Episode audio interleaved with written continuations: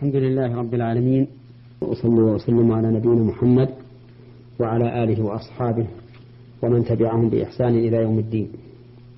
أما بعد أيها الإخوة المستمعون فهذه الحلقة السادسة والعشرون من حلقات أحكام القرآن.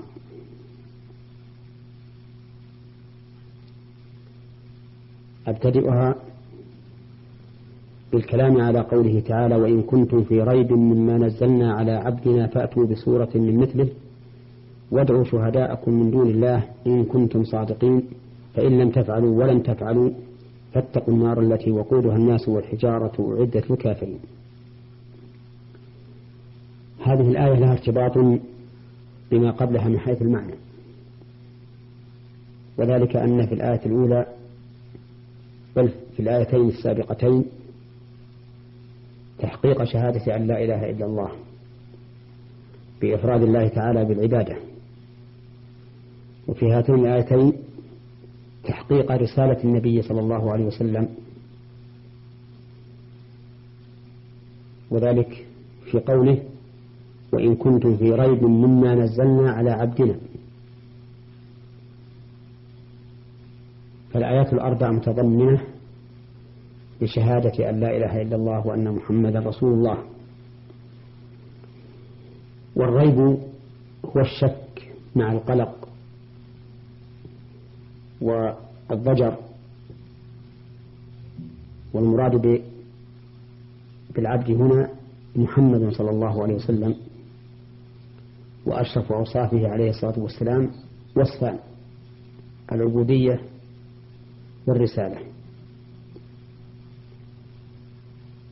وقد ذكر الله سبحانه وتعالى وصف نبيه محمد صلى الله عليه وسلم بالعبودية في أعلى مقاماته. فوصفه بالعبودية حال إنزال القرآن وحال إنزال وحال الإسراء وحال المعراج وحال التحدي والذود عنه. فقال في الحالة الأولى الحمد لله الذي أنزل على عبده الكتاب ولم يجعل له عوجا. تبارك الذي نزل الفرقان على عبده ليكون للعالمين نذيرا. وقال في الحالة الثانية والثالثة سبحان الذي أسرى بعبده ليلا من المسجد الحرام إلى المسجد الأقصى. وقال ونعم وقال ثم دنا فتدلى فكان قاب قوسين أو أدنى فأوحى إلى عبده ما أوحى. وقال في الحالة الرابعة مقام التحدي وإن كنتم في ريب مما نزلنا على عبدنا. والمراد بما نزل بما نزل القرآن الكريم. فأتوا بسورة من مثله ولكنهم لن يستطيعوا ذلك. قال وادعوا شهداءكم من دون الله. يعني كل من تقدرون على الاستعانة به ممن تدعونهم أولياء أو شفعاء فادعوهم معكم ليعينوكم على أن تأتوا بسورة مثله. إن كنتم صادقين فيما تدعونه من أن هذا القرآن ليس من عند الله ولكنهم لن يفعلوا ذلك. ولهذا قال فإن لم تفعلوا ولم تفعلوا. فاتقوا النار التي وقودها الناس والحجارة. أي فإن النار ستكون مأواكم فاتقوها واحذروها وذلك بالرجوع إلى الحق وتصديق رسول الله صلى الله عليه وسلم. هذه النار التي وقودها الناس الناس المستحقون لها من الكفار والمنافقين والحجارة وهي حجارة عظيمة ليست كحجارتنا في الدنيا تحمى في نار جهنم فتزداد حرارة النار ويزداد اشتعالها والعياذ بالله. وعدت للكافرين يعني أعدها الله للكافرين به وبرسله. وكذلك للمنافقين. كما قال تعالى إن الله جامع المنافقين والكافرين في جهنم جميعا. في هذه الآيات الكريمة أو في هاتين الآيتين الكريمتين يبين الله عز وجل أن رسوله صلى الله عليه وسلم صادق فيما جاء به من الوحي وأن هذا الوحي نازل من عند الله. وفيها أيضا من من الفوائد تحدي المكذبين لرسول الله صلى الله عليه وسلم ومن كان معهم من أعوانهم أن يأتوا بسورة من مثله ولكنهم لن يستطيعوا إلى ذلك سبيلا. وفي هذه الآية تحدى الله سبحانه وتعالى أن يأتوا بسورة من مثله قال أهل العلم وتحدي تحدي الله المكذبين بالقرآن جاء على ثلاثة أوجه أو على أربعة فتحداهم بالقرآن كله في قوله قل لئن اجتمعت الإنس والجن على أن يأتوا بمثل هذا القرآن لا يأتون بمثله ولو كان بعضهم لبعض ظهيرا. وتحداهم أن يأتوا بعشر سور من مثله.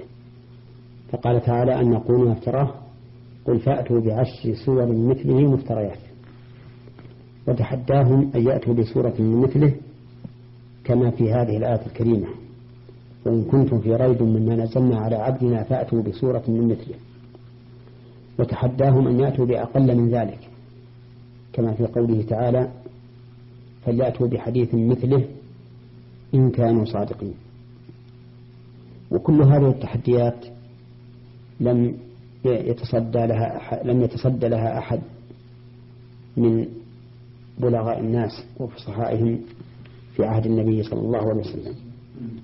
يدل هذا على صدق رسالته صلوات الله وسلامه عليه وأن هذا القرآن ليس من عنده. ومن فوائد هذه الآية الكريمة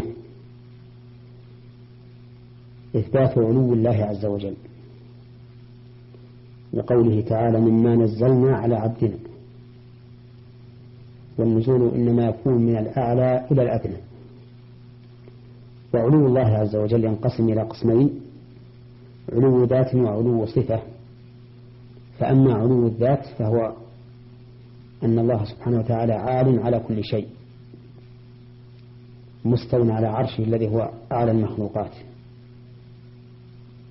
وهذا العلو ثابت بالقرآن والسنة وإجماع السلف والعقل والفطرة. أما الكتاب والسنة فأدلته على علو الله بذاته أكثر من أن تحصر. وقد جاءت على وجوه متنوعة تحقيقا لهذا العلو. وأما السنة فكذلك دلت على علو الله بذاته بأدلة كثيرة متنوعة فمنها ما دلالته بالقول ومنها ما دلالته بالفعل ومنها ما دلالته بالتقرير أي بإقرار الغير على ذلك. وأما الإجماع فقد أجمع السلف من الصحابة والتابعين وأئمة الأمة بل وعامة الأمة الذين بقوا على فطرتهم على علو الله تعالى بذاته ولم يقل أحد من منهم إن الله في كل مكان ولم يقل أحد منهم إن الله ليس في العالم ولا خارجه بل كلهم مجمعون على أنه سبحانه وتعالى فوق كل شيء.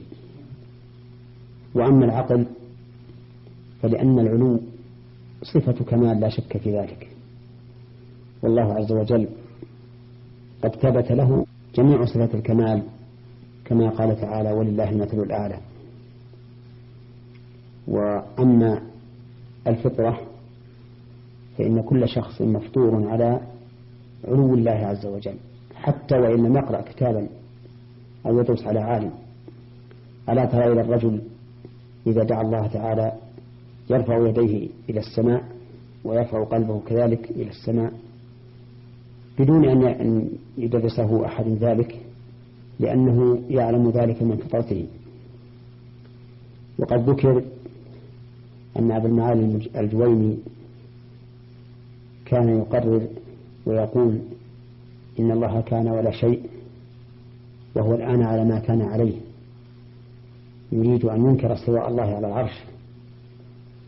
فقال له أبو العلاء الحمداني رحمه الله يا أستاذ دعنا من ذكر العرش وأخبرنا عن هذه الضرورة التي نجدها في قلوبنا. ما قال عارف قط يا الله إلا وجد من قلبه ضرورة بطلب العلو. فلطم أبو المعالي على رأسه وجعل يقول حيرني الهمداني حيرني الهمداني أي أن هذا دليل فطري على علو الله لا ينكره أحد. ولكن يجب أن نعلم أن الله تعالى فوق كل شيء لكنه ليس محصورا بشيء. كما يكون واحد منا فوق السطح فيكون محصورا بجدران السطح. ولكن الله تعالى فوق كل شيء وليس محصورا بأي شيء من الأشياء لأن, ما لأن الفوق المطلق ليس فيه شيء إلا الله عز وجل. وإلى حلقة قادمة إن شاء الله.